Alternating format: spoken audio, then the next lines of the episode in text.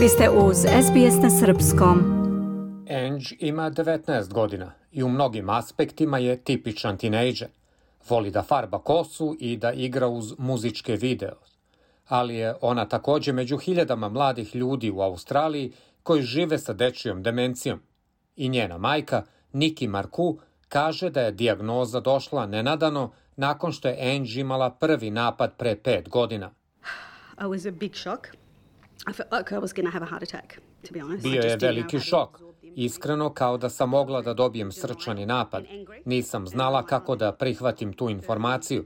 Mislim da sam bila u stanju negacije i besa i mislila da su pogrešili.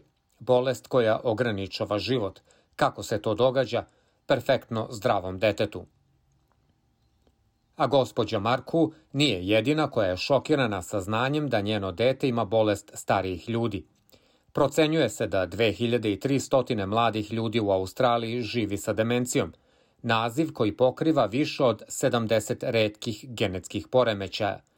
Kako gospođa Marku objašnjava, trebalo je vremena dok se nije identifikovao osnovni uzrok sve goreg stanja njene čerke Ange. 15 and a half, um, exactly a year from her first symptom. It was Lafora disease. Sa 15 i po godina starosti, tačno godinu dana od njenog prvog simptoma, bila je Lafora bolest. Rekli su da je to terminalna bolest, neurološko progresivna bolest mozga koja uzrokuje dečiju demenciju.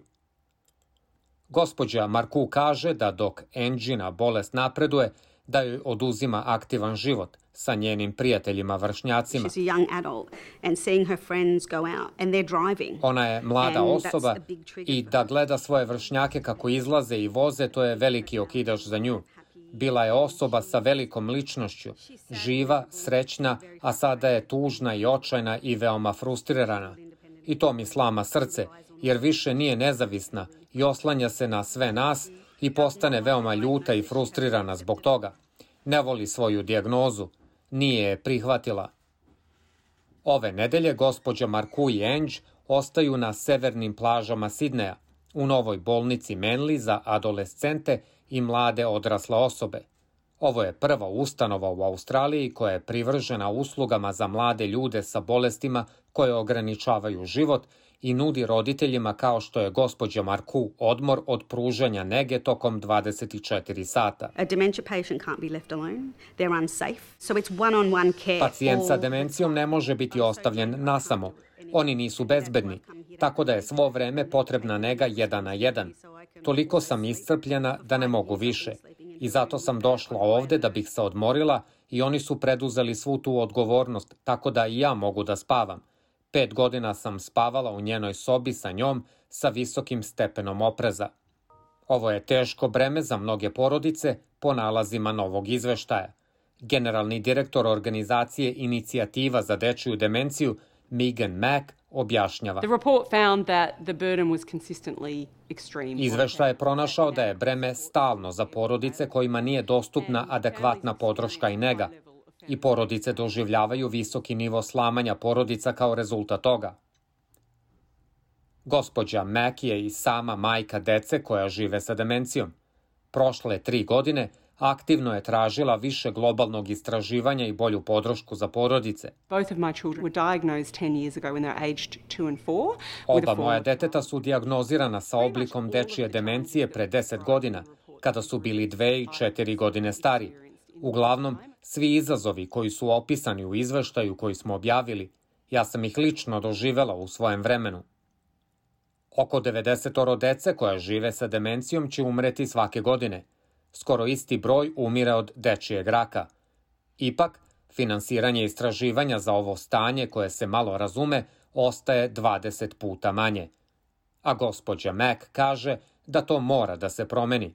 we are really calling on the Australian government to Mi appropriately stvarno include pozivamo australijsku vladu da prikladno uključi decu u plan. dolazeći nacionalni akcioni plan za demenciju.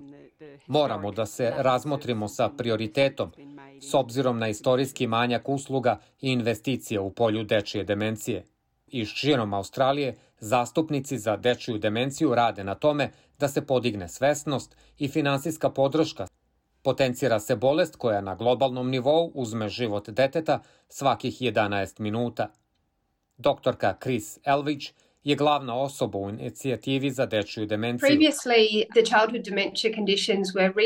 Prethodno je stanje dečije and demencije bilo istraživano na individualnom nivou i smatrano je individualnim stanjem, umesto opštim predstavljanjem demencije.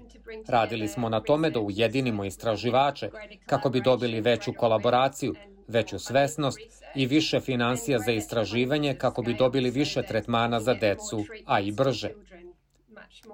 Za Ange Marku vreme polako ističe.